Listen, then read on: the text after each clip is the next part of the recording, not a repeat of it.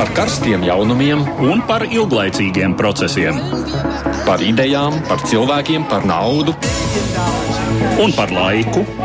Par abām mūsu planētas puslodēm, un lietojot abas smadzeņu puslodes. Ēterā raidījums divas puslodes. Edvards Liniņš, Nēdz Tamsons, saka jums labdien, un mēs tiekamies ik ceturtdienas raidījumā divas puslodes, kad runājam par aktuālo pasaulē. Vai Eiropai vajag savu armiju? Jautājums, kurš aktualizēts jau ilgāku laiku, taču ideja kļūst ar vien populārāka.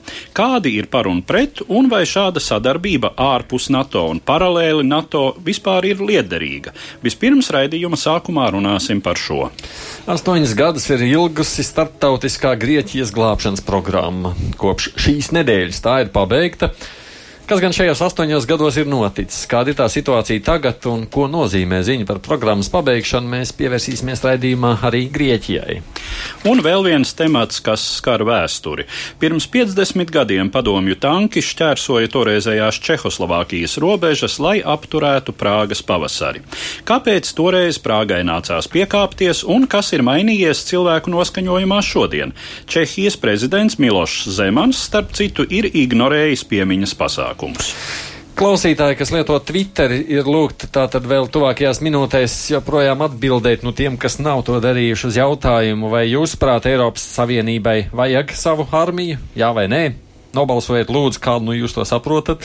Twitter jautājumu jūs varat atrast Latvijas radio viens kontā. Protams, gaidīsim arī komentārus, kā parasti mūsu mājaslapā. Un šobrīd studijā bez mums ir arī providus pētniece Sintija Tarasova. Labdien! Labdien! Un Rīgas Stradiņu universitātes pasniedzējs arī Latvijas ārpolitikas institūta pētnieks Māris Anģāns. Labdien! Bet mēs sākam raidījumu kā parasti ar dažām ziņām īsumā. Pēdējās dienās mediji ļoti aktīvi ziņo par to, kas notiek ASV. Tur prezidenta Donalda Trumpa bijušais personīgais advokāts Maikls Koens otrdien atzina savu vainu, vainu astoņās apsūdzībās. Viņš arī ir atzinis, ka pēc Trumpa norādījumiem ir samaksājis 130 tūkstošu un 150 tūkstošu dolāru lielas summas divām sievietēm, kuras apgalvo, ka viņām bijušas mīlestības ar Trumpu. Tas darīts, lai nopirktu šo sieviešu klusēšanu kā teikts, ar mērķi ietekmēt vēlēšanas. Savukārt bijušais vēlēšana kampaņas vadītājs Pols Manaforts svērnāto tiesā tajā pašā dienā ir atzīts par vainīgu astoņās apsūdzībās. Lai gan pašam prezidentam apsūdzības nav izteikts, mediji aktīvi diskutē par to, vai pret Trumpu varētu sākties impeachment procedūra. Tas gan varētu būt atkarīgs no novembrī gaidāmajām vēlēšanām.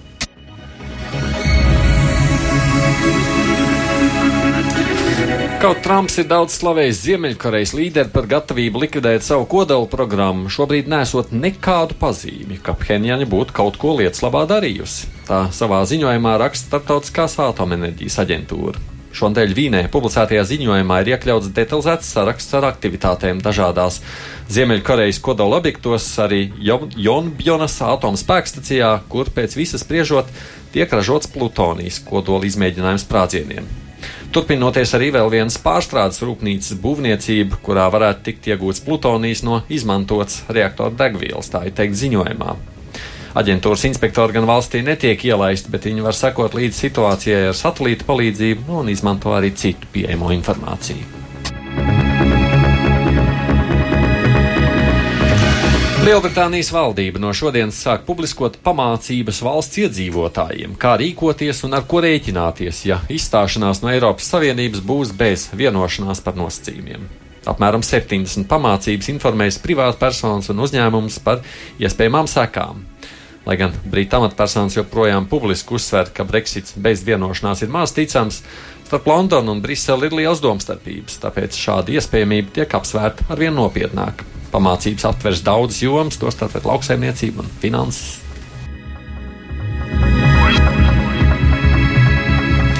Krievija pagājušā gada novembrī neveiksmīgi izmēģinājusi raķeti ar kodolzinēju, kur iegāzusies Barents jūrā, un tagad Krievijā gatavojas tās izcelšanai. Tā vēstījis ir ASV telekanāls NBS, CNBS, atsaucoties uz amerikāņu pēcdienas ziņojumu.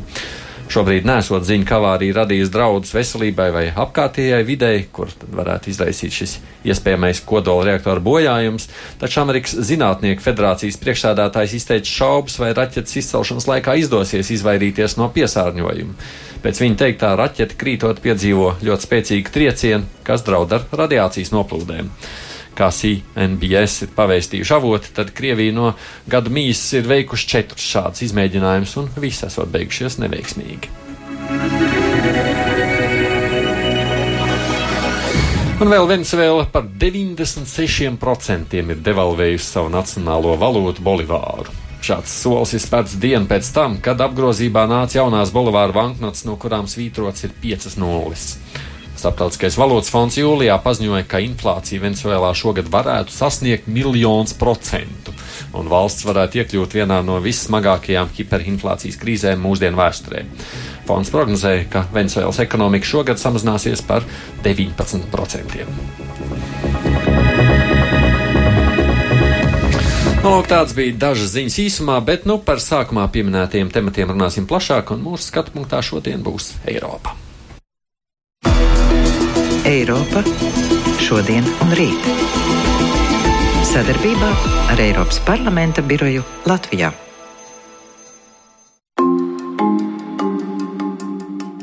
Pagājušā gadsimta 90. gados, attīstoties Eiropas Savienības integrācijas procesam, tajā iezīmējās arī kopējās aizsardzības politikas aspekti.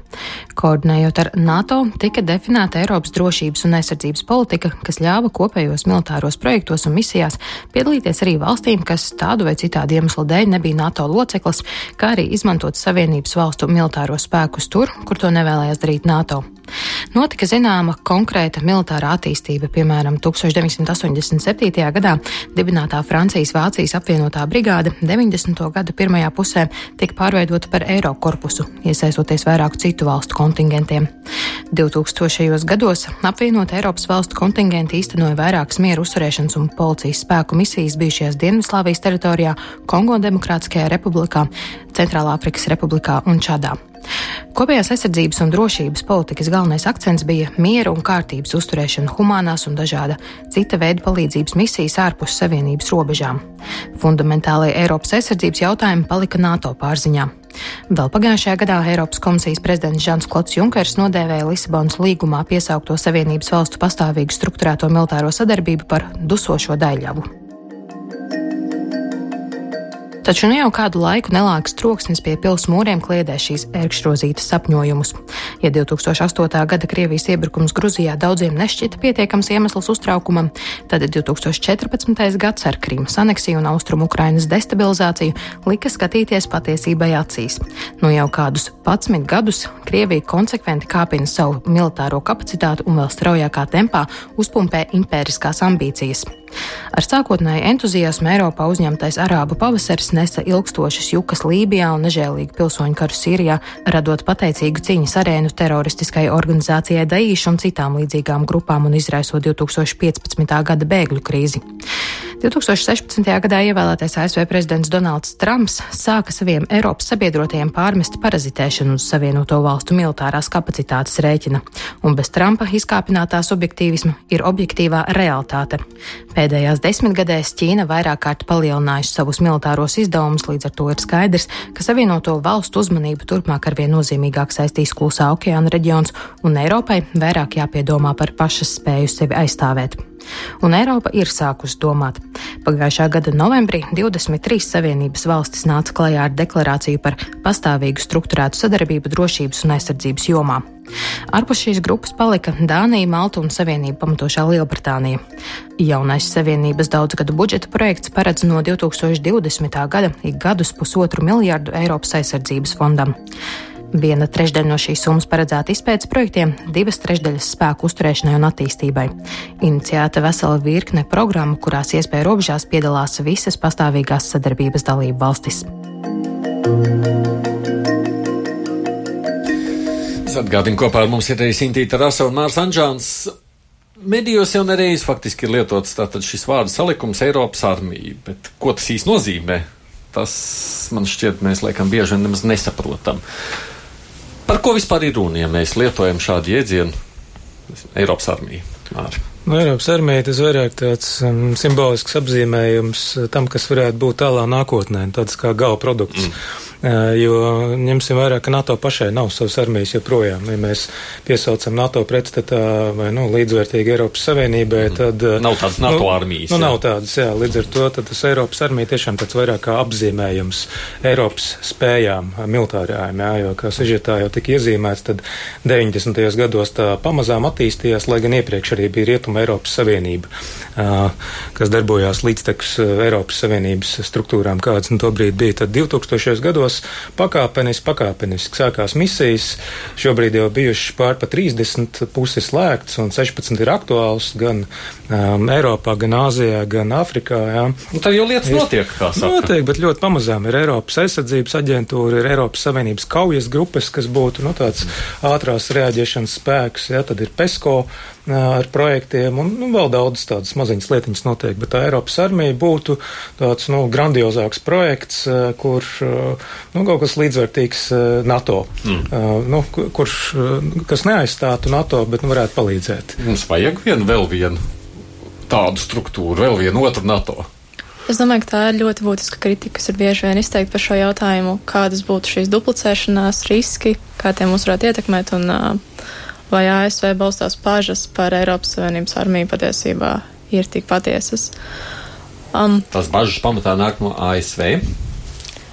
Mēs esam redzējuši, ka Latvija un Polija ir izteikuši kritiku par šo jautājumu, bet um, vairāk varbūt tādā fiskālā līmenī ASV pauž bažas par to, ka Eiropas Savienības šis uh, ieroču tirgus varbūt tiktu noslēgtāks, kas obligāti nav slikti attīstības ziņā, bet uh, Šī ir viena no kritikām, kas ir pausta. Protams, mēs varam runāt par Krievijas kritiku, bet tas jau ir nedaudz cits jautājums. Bet tas jau izklausās pēc kaut kādas sacensības, ne, bet konkurences tagad vismaz no tāda skatu punkta lūkojoties, ne?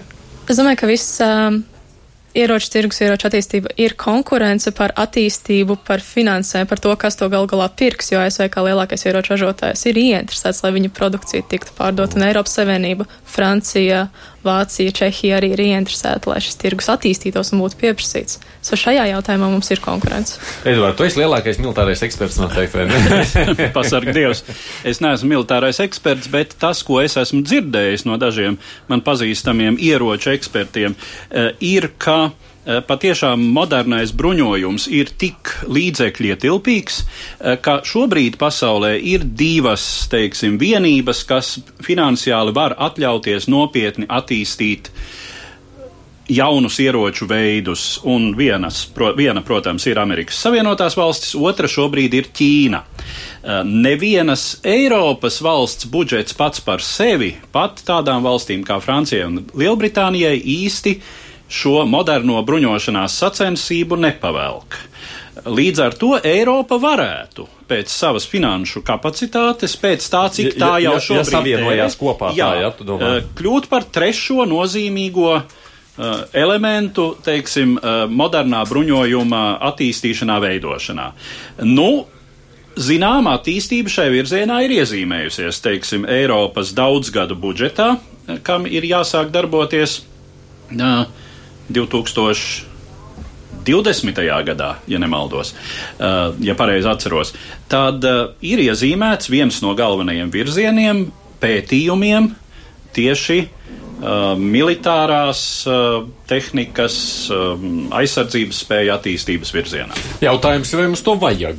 Kāpēc mums to vajag mācīt? Nu, jā, nu viens ir tā militārā industrija, ir viens Jā. elements, kas, protams, ir svarīgs, bet arī, ko Edvards minēja, tad, ja saskaitīt kopā šobrīd Eiropas Savienības dalību valstu aizsardzības izdevums, tie būtu otri lielākie pasaulē aiz ASV. Ja šobrīd ASV pirmā. Vienalga saskaitot kopā, mēs būtu otru lielākie. Jā, jo citādāk neviena Eiropas Savienības valsts nav pat pieciniekā. Pirmā ir, nu, aprēķina arī nekad nav skaidra līdz galam. Nu, ASV, Ķīna, Amerika, Krievija, jā, jā. Uh, nu, Saudarābija faktiski trešajā drīzāk ir, mm. uh, un, uh, nu, tad Indija, un tad nāk tur Lielbritānija, Francija un citas valsts. Tā kā, ja saliek kopā, tad ir, nu, kā saka, agrāk bija moderni Latvijā uh, pērkam kopā, jā, nu, tad, kā lētāk vajadzētu sanākt. Bet tā ir tikai viena neliela daļa. Uh, par spējām. Nu, es domāju, Pietiekami būtiski arī ir no ASV pozīciju tādā, nu, kā saka, maiņu gadījumā, ka vismaz Baltijas valstīm pilnīgi noteikti būtu labi, ka ir vēl kāds variants Es saku, nelikt visus solus vienā groziņā. Skatoties jā. to, ko sarunā Trumps, ja tādā gadījumā beidoties, ja nu kaut kas notiek ar NATO? Nu, tieši tā, jo nu viens ir uh, ASV, kur uh, prezidents pirmo reizi vēsturē esošais ASV prezidents ir pieļāvis iespēju izstāties no NATO, kad bija vasarā, ka viņš teica, ka šobrīd neredz iespēju to uh, apsvērt vajadzību, bet, nu, ka tas tiek minēts, tas pats par sevi nu, nav labs signāls. Jā. Mm. Tā ir viena lieta, protams, redzam ar Turciju, kas notiek, ka viņi aizvien tālāk attālinās savā tādā orbītā. Ja? Nu, līdz ar to mm. nevajadzētu mums pieņemt, ka kaut kas ir akmenī kalts un mazām valstīm ir labākie varianti ir vairāk. Un līdz ar to arī nebūtu slikti, ja būtu mums uh, vēl kāds variants, jo nevaram likt arī vienādības zīmes starp NATO un Eiropas Savienību. Jo NATO nav sešas Eiropas Savienības dalību valsts, ja, kas arī jāatcerās. Arī viņām varētu būt interesi par kādām citām garantijām. Jā, tur ir tāda kā Turcija. Sinti, jūs arī esat to, ka vajadzētu veidot šādu ciešāku? Es esmu noteikti par to, ka mums vajadzētu ciešāku sadarbību. Um, protams, mēs nesāksim konkrēti ar ASV šajā ziņā, ka mēs kļūsim par galveno ieroču manufaktūras uh, savienību. Es domāju, svarīgi ir tas, ka mēs šobrīd A samazinām bezjēdzīgi iztērētos finanses, jo mēs diezgan neefektīvi tērējam Eiropas Savienības kontekstā mūsu finanses. Mums ir, ja nemaldos, 17 dažādi tanki uz mūsu visām valstīm, kamēr Amerikas, Amerikas Savienotās valstīs ir viens. Šajā ziņā mēs nespējam efektīvi sadarboties, ja, katrs, ja mūsu tehnika nav sadarīga, ja mūsu dzelzceļa infrastruktūra nav sadarīga. Šajā ziņā mēs vienkārši esam šobrīd diezgan neefektīvi, un ņemot vērā Baltijas valstis, kas ir neveiklā ģeopolitiskajā pozīcijā. Mums tomēr vajadzētu izdomāt, kā optimizēt to, kas ir šobrīd, kas droši vien ir sasniedzams caur ciešāku integrāciju aizsardzības jomā. Jā, piebilstot, projekts kurā šobrīd jau piedalās praktiski visas Eiropas Savienības dalību valstis, ir tieši militārās mobilitātes projekts. Uh, uh -huh. Šīs uh, Jā. jaunās uh, integrētās uh, sadarbības politikas ietvaros. Anna Ilžbieta Fotiga, Eiropas parlamenta drošības aizsardzības ap apakškomitejas priekšsādātāji. Tev bija saruna? Jā, jā saruna bija gan bija jau maijā. Jā, jā, bet nu, stāsts par to, ko no viņas skatu punktu, nu, ko nozīmē šī ciešākā integrācija Eiropas drošības jomā paklausamies. Well, I think that obviously it should not be competition between EU and, and NATO. Es domāju, ka nekādā ziņā šeit nevajadzētu notikt sacensībai starp Eiropas Savienību un NATO. Priekšnoteikums integrētākai Eiropas drošības un aizsardzības politikai ir apdraudējuma uztvere. Mums jāveido vienotāka apdraudējuma uztvere. Vai varat iedomāties, ka Eiropas Savienība nosūtītu savu drošības un aizsardzības misiju uz Ukrainu? Ukraina to lūdz jau divus vai trīs gadus, un neviens, taisnība sakot, negrib uzklausīt. Varbūt kaut kāda kaut kā, visai gļēvi, diemžēl. Protams, Eiropas Savienības misijas darbojas daudzviet civilās politikas un arī vienotās drošības un aizsardzības politikas ietvaros. Man ir nācies būt daudz viet, kur tās darbojas, un es diezgan augstu vērtēju to darbību. Problēma ir, ka tās ir savā apjomā samērā mazas, samērā neilgas, tās parasti neatrisina problēmu, tām trūkst vajadzīgās gribas iesaistīties. Te, saprotams, ir arī lēmumu pieņemšanas problēma, kas prasa vienošanos starp Savienības dalību valstīm. Tātad zināms integrācijas līmenis ir nepieciešams, bet tā ir, es teiktu, arī politiskās gribas problēma turpināt piedalīties šādās misijās. Jautājums nebeidzas ar līguma saistībām. Ir jābūt politiskai gribai piedalīties. Uh, really to, to Kā vispār ir, ja mēs runājam par šo politisko gribu kā tādu pašlaik šai integrācijai? Nu, te ir jārunā par vēsturisko mantojumu, jo dažādas Eiropas valstis ir dažādi iesaistītas dažādos ģeopolitiskajos virzienos. Un, ja mēs redzam to kopējo līdzšinējo sadarbību, tad tur dominē tātad iesaistīšanās situācijas stabilizēšanā atsevišķos Āfrikas reģionos. Pamatā tās ir bijušās Beļģijas, Kongo mm. uh, un Francijas kolonijas. Kas mūs galīgi neinteresētu Latvijā, ne? Nu, ko nozīmē mūs galīgi neinteresēt, ja mēs ļoti uztraucamies, ka no Āfrikas Eiropā ieplūst bēgļi, mm. kuri mūs biedē, tad tas interesē arī mūs, bet no otras puses, jā, mēs saprotam, ka tādas valstis kā Spāniju, Portugāli, Grieķiju varētu nesevišķi interesēt tas, cik droša ir Eiropas ziemeļa austrumu robeža gar Zilupi un tālāk uz ziemeļiem. Ja? Uh, vai ir vērts mirt par nārvu šis simboliskais jautājums? Spāņiem, ja. Jā, un uh, tā tad, uh, lai pārliecinātu vai lai iestrādātu šo izjūtu, ka mūsu robeža ir Eiropas robeža, Spāņos, Portugāļos, Grieķos un savukārt mums sākt apzināties, ka, teiksim, Gibraltārs tā ir. Spānijas robeža ar Gibraltāru drīz būs arī mūsu robeža. mm. Nē, bet mēs klausītājiem jautājam arī tiem, kas Twitter lieto šobrīd. Nu, mums ir pār pa pussimts atbildējuši, vai viņi atbalsta šādu Eiropas Savienības kopēju armiju veidošanu nākotnē. 48 saka, jā, 50 saka, nē, nu praktiski puses puses to klausītāju, ja to Twitter lietotāju domas dalās. Kā tad jūs pārliecināsiet, jo te ir svarīgs arī sabiedrības, um, nu atbalsts sabiedrības, nu tā jāpārdod jau ir ideja. Sabiedrība jau parasti vairāk reaģē, kad ir tieši apdraudējums ah. un, un draudi. Nu, zinām, kā ir bijis gan Gruzija, gan Ukraina, un tad tas, kā saka, noplok. Tādos brīžos drošību vēlas, bet tad, kad tieši draudu nav, nu, tad rādās, ka cits vajadzības vajadzētu. Nu, tad ir šajā ziņā ļoti svarīgi ir, ka viedokļu līderi, kas nu, īpaši arī politiskā līmenī raugās ilgtermiņā, nu, kas, kas saka, nav gatavi ļaut naudu noēst piekrist nu, citām lietām. Jā, tomēr drošība un aizsardzība ir viss pamatā. Ir tas teiciens, ja nebaros savu armiju, baros svešu, un tad mums nu, savā ziņā iespēja ir nu, labāk palīdzēt barot sabiedroto armiju nekā nu, naidnieku. Par sabiedrības attieksmi runājot, nu te ir vairāki motīvi. Vispirms jau patiešām joprojām ir ļoti neskaidrs, kas tad varētu būt šī Eiropas armija, un tas būtu viens uzdevums skaidrot sabiedrībai un vispār definēt šo jautājumu, nu, pirmkārt, politiskā līmenī. Tas ir viens no otrs, zināma inerce, zināma tradīcija no 90. gadiem, vēl no 2000. gadiem, kad šķita, ka pēc augstā kara beigām viss iespējami ļaunākais ir pāri, eh, nopietnu satricinājumu vairs nebūs, mēs varam samazināt savus militāros budžetus. Tā ir tendence, kas ir bijusi visur Eiropā. Latvijai tā vēl pārklājās ar ļoti ierobežotām finansiālām iespējām, bet arī tām valstīm, kuras uh, finansiāli bija spēcīgas. Nu, tajā brīdī, kad 14. un 15. gadā uh, Eiropā daudzi paskatījās uz savām armijām, tad uh, es pats sarunā dzirdēju apzīmējumu Bundesvērs ir kļuvis par kabatas armiju. Uh, tā ir militāri vāja, nenozīmīga un jautājums par gatavību, par kaujas gatavību. Francijai ir uh, spēki, kam ir kaujas pieredze, pateicoties šīm misijām pamatā Āfrikā, bet tie ir mazi un ar tiem pietiek tikai tam, kas notiek šobrīd. Lielbritānijai tajā brīdī nebija neviena aviācijas bāzes kuģa. Iedomājieties, Britu flotei vairs nav neviena aviācijas bāzes kuģa. Sevišķkungs rakstā, bet Eiropas Savienības valstīm taču ir katrai sava armija. Vajag tikai sarunāt, kurš tās komandēs bez ASV un viss kārtībā. Es, no.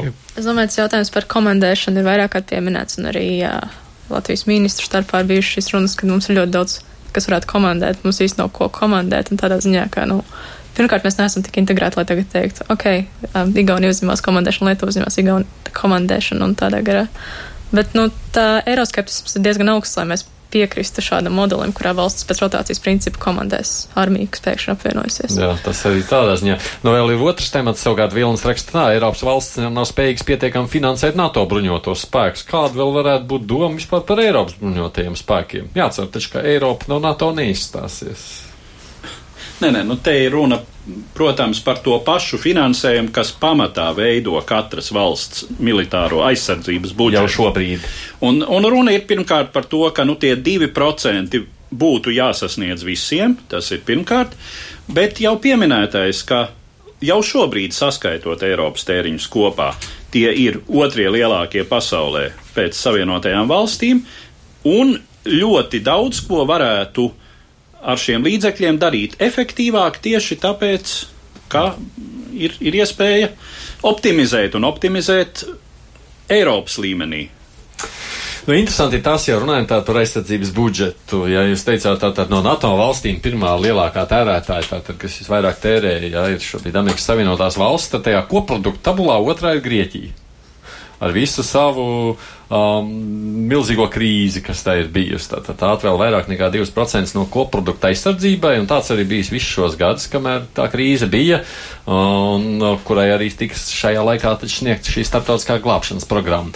Šonedēļ tad astoņus gadus ilga šī programma tika izbeigta. Pirmdien Briselē neskopojās ar Grieķijai adresētiem apsveikumu un uzslavas vārdiem, noslēdzoties 2010. gadā aizsāktajai Grieķijas stabilizācijas un atbalsta programmai. Tās ietvaros globālās ekonomiskās krīzes smagi skartā valsts, kuras ārējā parāda likme 2012. gadā sasniedza 30%, saņēmusi kopumā 288,7 miljārdus eiro, no tiem 256,6 miljārdus piešķīrusi Eiropas Savienība, pārējo starptautiskais valūtas fonds. Aizdevuma nosacījumi bija līdzīgi tiem, kāda vēl visnotaļ svaigā atmiņā arī Latvijai - strikti taupības pasākumi un reformas administratīvās sistēmas efektivitātes uzlabošanai, sociālās un ekonomiskās vides sakārtošanai. Rezultātā pagājušā gadā Grieķijas ekonomika sasniegusi pieticīgo 1,4% pieaugumu, likvidēts fiskālais deficīts, bezdarbs gan vēl joprojām saglabājas visai augstā līmenī, teju 20%.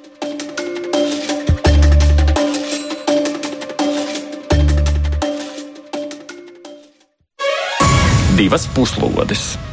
Atgādījums šeit studijā profesors pētniece Intīta Rasa un Rīgas Traģiņu universitātes pasniedzējs arī ārpolitikas institūta pētnieks Mārs Anžāns, protams, arī mēs ar Eduardu Liniņu.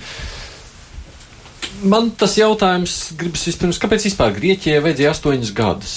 Man šķiet, mēs taču Latviju krietni ātrāk tikām cauri līdzīgi bijām. Grieķijā tā ķibela bija stipri lielāka nekā pie mums, jā, jo bija, kad krīze sākās un aizgāja, tad bezdarbs pat pie 30% bija starp jauniešiem 60%. Jā, nu, būtībā valsts bija dzīvojusi uz milzīgu parādu iepriekš, un kad tās visas lūži nāca vaļā ar globālo krīzi, nu tad galīgi nebija labi. Mēs domājam, ka mums ir jā, nu, galīgi sauzas, kā lai saka, jā, tad. Tātad, paskatoties uz šiem skaitļiem, ja Latvija bija spiesta palīdzībā no Eiropas, nu tātad mēs pieteicām 7,5 miljārdus, no kuriem saņēmām 4,5.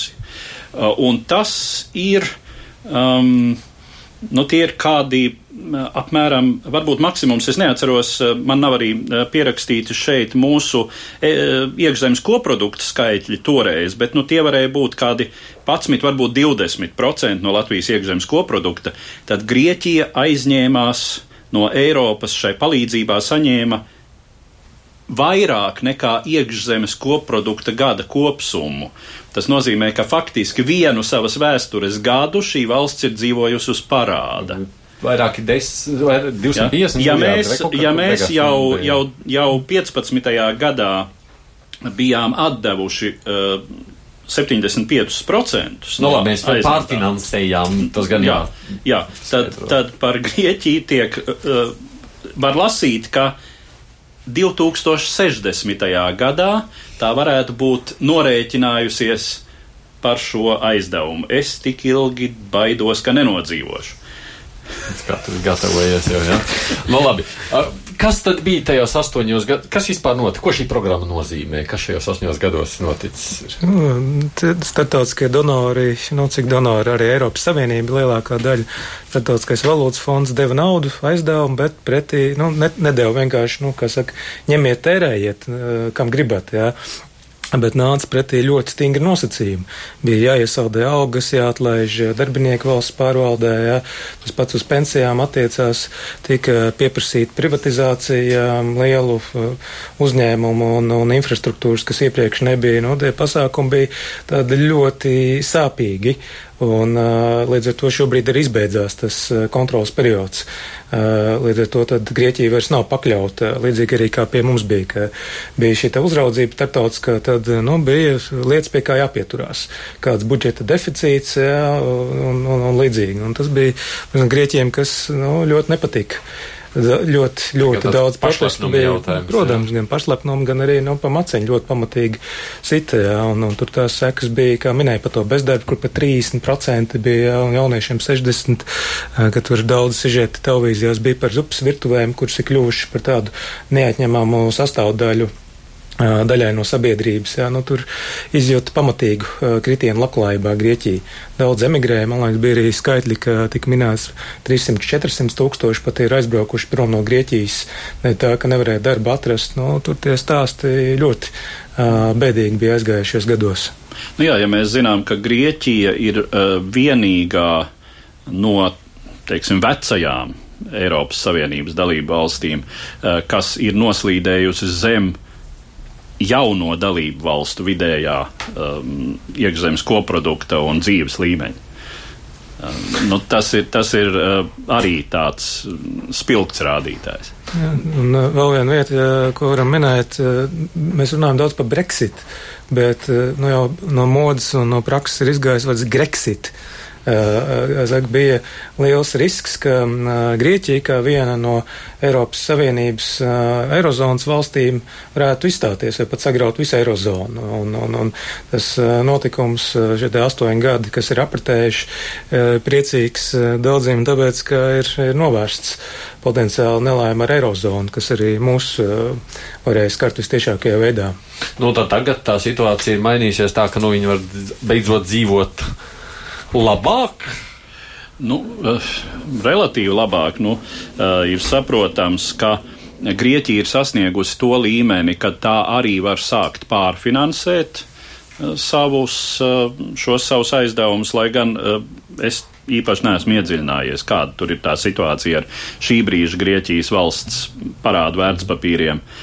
Kā zināms, tur arī Latvija, manuprāt, arī jau ap 12. gadu uh, sasniedz to, to līmeni. Kad, nu, kad eh, kāds tā gribēja pirkt vispār. Jā, kad, jā. jo, jo, nu, teiksim, tā krīzes brīdī Grieķijas uh, procenti Grieķijas valsts um, aizdevumu obligācijām bija šķiet līdz 30%, par ko, teiksim, kāds bija gatavs Grieķijas valstī aizdot naudu. Nu, tas būtībā nozīmē valsts bankrotu, nepārprotam, un, un tāds valsts bankrots visdrīzāk arī būtu pasludināts, ja Grieķija nebūtu Eiropas Savienības un Eirozonas valsts. Tā ka par to, ka sekas Grieķija izjutīs vēl krietni ilgi, par to nevienam nav šaubu. Tas arī tiek, tiek minēts. Nu, 20% bezdarba ir 20% bezdarba. Es neatceros, vai Latvijā tāds pat vispār bija pat krīzes laikā. Nu, protams, jā, mums arī bija šis teiksim, nesevišķi pozitīvais ventilis, tātad im, emigrācija, ekonomiskā emigrācija.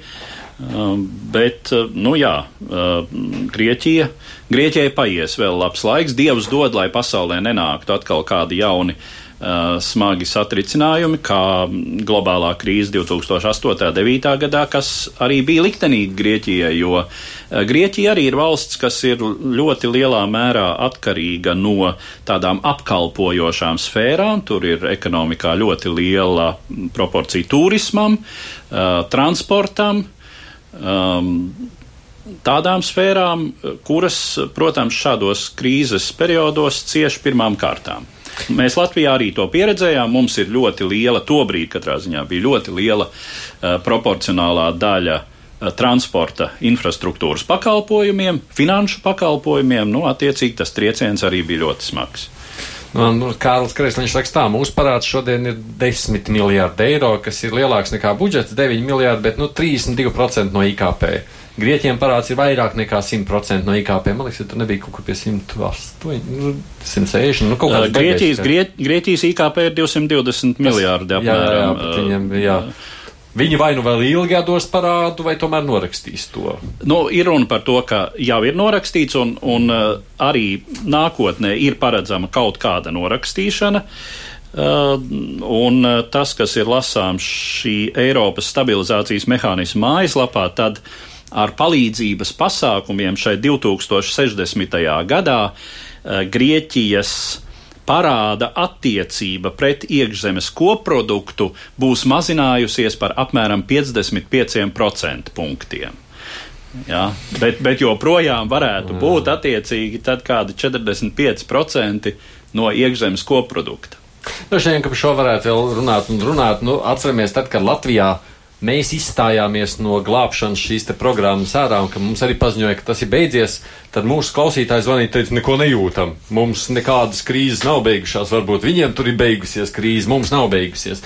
Šobrīd jau grieķi saka ļoti līdzīgi. Viņi arī saka, mēs neko nejūtam. Mums situācija tikpat sarežģīta un sāpīga, kāda bija, tāda ir un joprojām gaidām, kad mums kaut ko samazinās.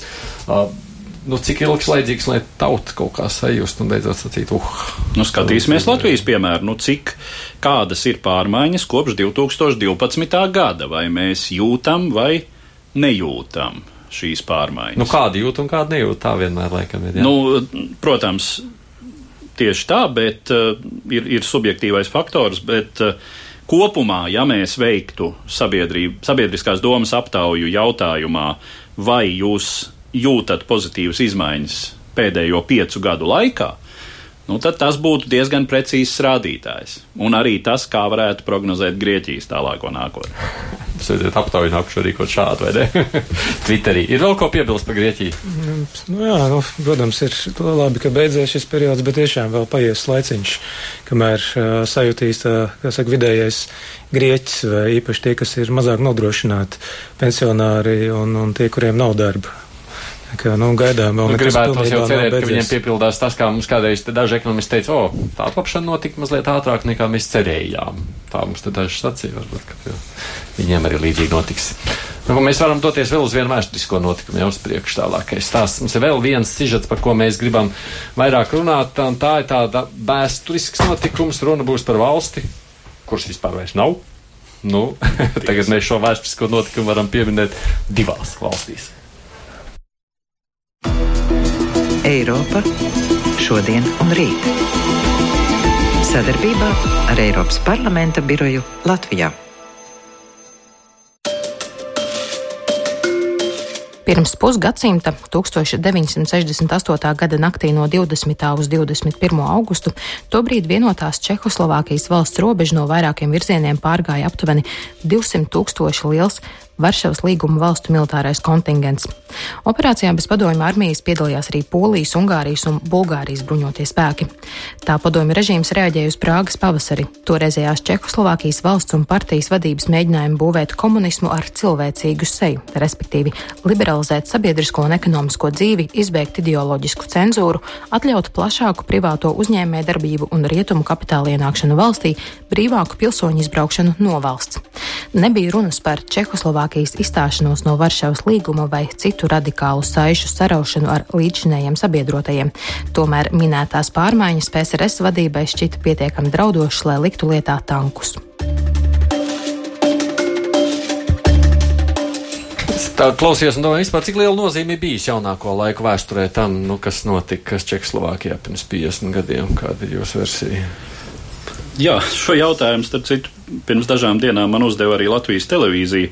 Un uh, atbildēt ir diezgan grūti. No vienas puses, uh, šī, uh, šis Prāgas pavasara liktenis apliecināja tā brīža status quo. Tas apliecināja to, ka Padomju Savienība tobrīd ir savas varas apogejā, uh, jo tā bija sasniegusi praktiski militāru paritāti uh, ar rietumiem. Uh, tā eh, turēja savā stingrā hegemoniskā tvērienā visus eh, tā sacīt staļinisma iekarojumus pēc otrā pasaules kara, tātad visu centrālu austrumu Eiropu, lielu daļu Balkānu, un pierādīja, ka tā nepieļaus nekādas nobīdes, lai cik teiksim, tās būtu mērenas, lai cik tās, būtu, lai cik tās arī nāktu no Eh, pašas vietējās eh, komunistu elites, eh, kā tas bija Čehoslovākijā.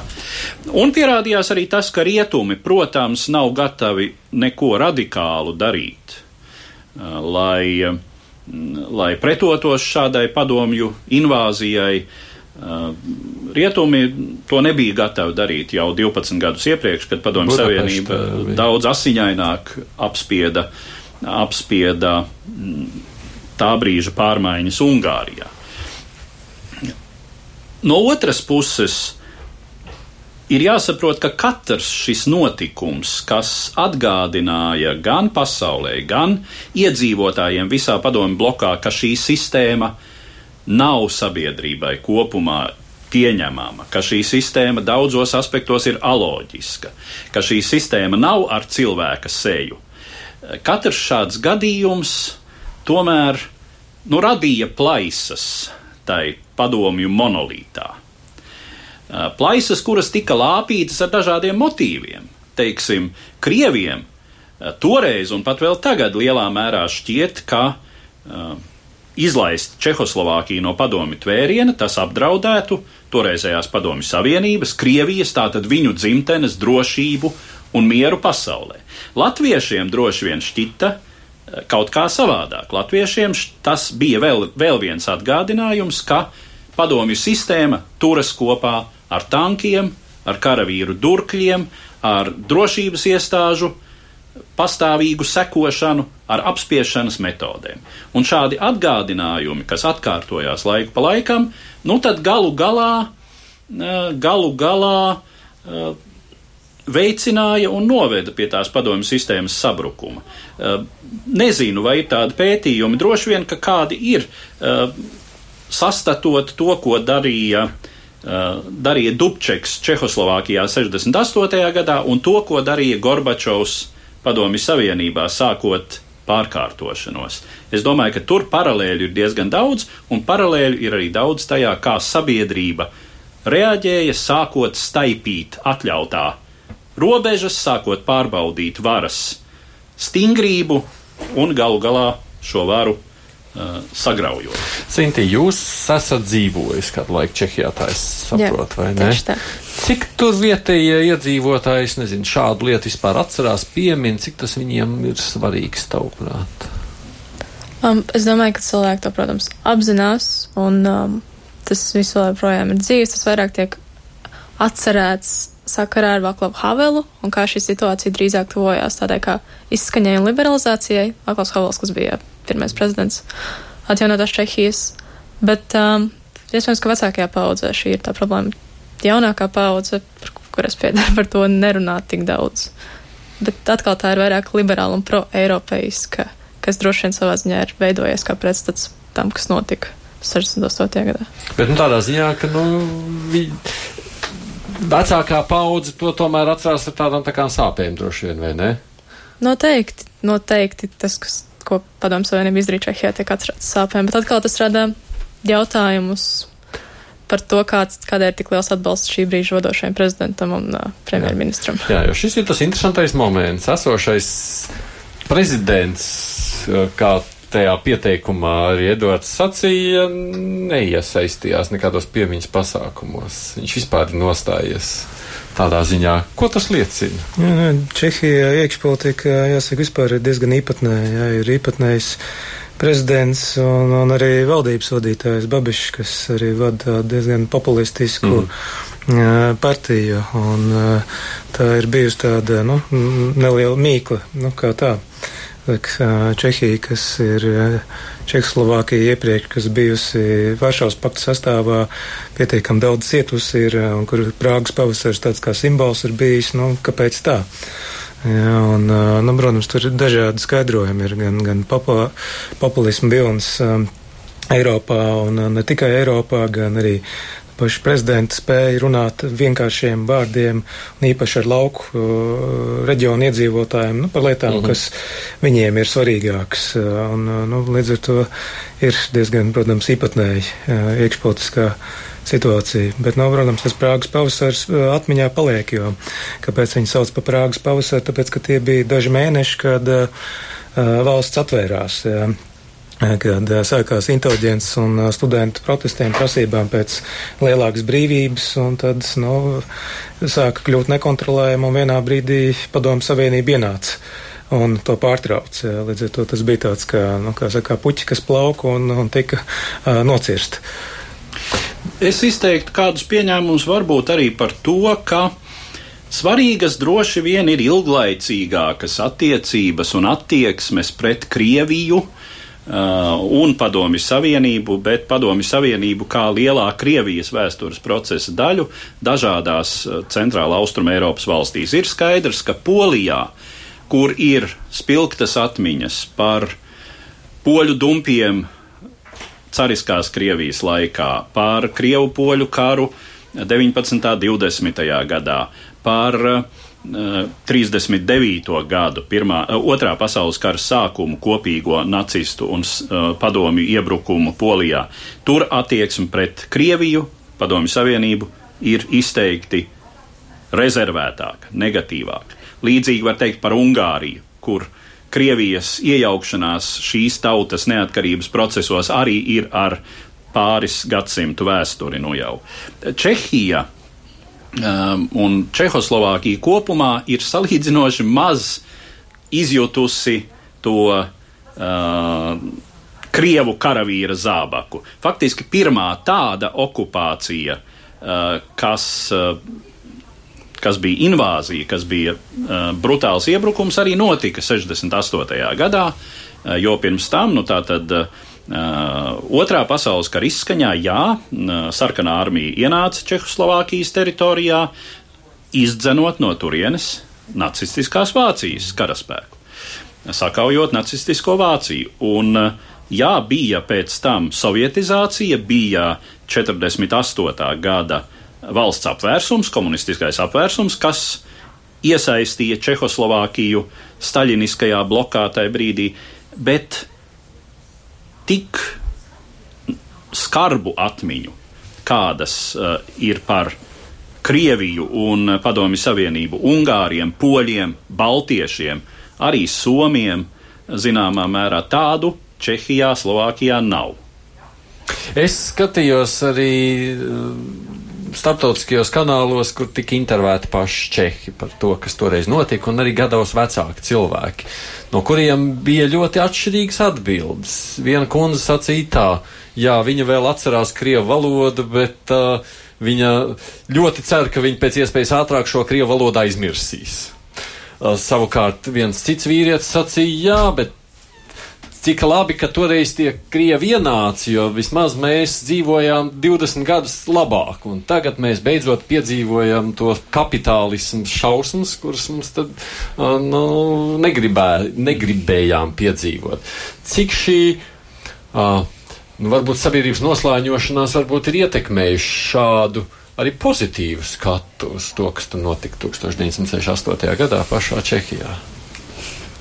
Es nedomāju, ka Čehijā ir tik izteikts šis noslāņošanās par pret Krieviju, cik vairāk tas vil, antimigrācijas vilnis tiek izmantots, lai šo papildus lietu piesaistītu sabiedrības noskaņai. Kā es nedomāju, ka sabiedrība ir 51% atbalsts tam, kas notika un Krievijas ārpolitikas idejai, cik vairāk tiek pieslēgt, šī ideja tiek pieslēgta cilvēkiem, kas atbalsta antimigrāciju, un tādā veidā cilvēki tiek piesaistīti tā negatīvai noskaņai. Tā tas stāsts par Čehijas prezidentu, pieņemsim, tā viņa nostāja pret Krieviju nav tik daudz jautājums par. Par Krieviju, cik vairāk ir tas populismu vilnis, kas tiek Eiropā izmantots. Jo Čehija ir diezgan interesants gadījums, kas ļoti ir līdzīgs visam, kas notika Eiropā. Antimigrācijas platforma janvārī ļoti redzējām, tas bija tas, kas vēlēšanās notika. Un uh, Krievija nebija tas jautājums, kas īsti tiktu pacelts. Mm. Es vēl gribu šajā kontekstā, man ir tomēr četras minūtes vēl laika. Pēc tam, kad līdzīga situācija sāka briest Polijā, tā pieminētajā, tur tanki neiegāja, jo paši pielīs polijas vadība nobijās un nobremzēja visu to stāstu, bet dzima solidaritāte un vispārējais, kas no tā viss nāca ārā. Kāpēc tur tomēr tas pretkrieviskais tik ļoti ir saglabājies? Jo viņi jau īstenībā piedzīvoja mazāk nekā Prāga. Viņi piedzīvoja mazāk pēdējā gadījumā, bet es jau piesaucu šos Tā vēsturiskos piemērus. Un vecā vēsture tomēr atmiņā saglabājas. Es domāju, ka Polijā joprojām visai aktuāli atceras vēl 19. gadsimta poļu dumpjus, kurus carisma režīms apspieda ārkārtīgi nežēlīgi. Uh, un, uh, jā, un Čehijai uh, ir arī īpatnējas attiecības ar tās uh, vāc, vāciskajiem kaimiņiem, gan ar Vāciju, gan ar Austriju, kur arī ir pietiekami ilga sarežģīta attiecību vēsture. Ja? Čehija šis slāvu tautas, šī slāvu tautas sala pat zināmā mērā, kurai apkārt vēsturiski ir bijušas vāciski runājošas teritorijas, un, un tā ir jutusies lielā mērā ģermanizācijas apdraudēta. Tas arī varbūt kaut kur iespaido šo izjūtu par to, kas mēs esam un kas ir mūsu draugi Eiropā, un ka Krievija var būt, uh, ja ne ļoti labs draugs, tad varbūt, teiksim, līdzsvarojošs elements. Nu, man bija arī vēl viena beigās piezīme. Savukārt es redzēju Krievijas televīzijas aptauju par to, kas notika pirms 50 gadiem. Tur iedzīvotāji pārliecināti, ka viņi ir atbrīvojuši Čehiju no no, no apvērsuma. Jā, tāpat kā Latvija un vēl daudzas valsts, kas jā, jā, nu, tur jau nav jāšaubās. Jā, ka, jā, nu, Krievijas mēdī pedalizē tās tēmas, ka Čehijā ir Čehoslovākijā ir bijušas antikrieviskas attieksmes un, un varēja būt antikrieviskuma uzbangojums, lai gan nu, kāds antikrieviskums, ja tur krievu iedzīvotāju jau nebija, un, un nu, vēršanās tajā brīdī arī nebija uh, tur dislocēta padomju karaspēka, nu, pret kuru tad varētu vērsties uh, līdz šim 68. gada augustam kaut kāds pretkrieviskums, bet nu, tā tad Iv Ivan ej mājās, tas tika uz, iztulkots kā Tātad etnisks antikrieviskums šo tēmu arī attīsta uh, Krievijas mēdī, ka tātad Čehoslovākija glāba no uh, antikrieviskuma. Uh, nu, un, protams, jā, arī tas, ka kas tad būtu, ja Čehoslovākija aizietu projām no Varšavas līguma, tad, ja paskatāmies Eiropas kartē, tad Varšavas līguma valstu blokā parādītos milzīga uh, stratēģi, militāri strateģiska plaisa. Mēs varam to dēvēt par okupāciju, tas, kas bija 68. Pilnīgi noteikti. Pilnīgi noteikti tā bija okupācija. Jā, ienāca cits valsts karaspēks, citu valstu, vairākas valsts. Uh, bet nu, viena vien no sekām bija tas, ka Albānija izstājās no Varšavas pakta.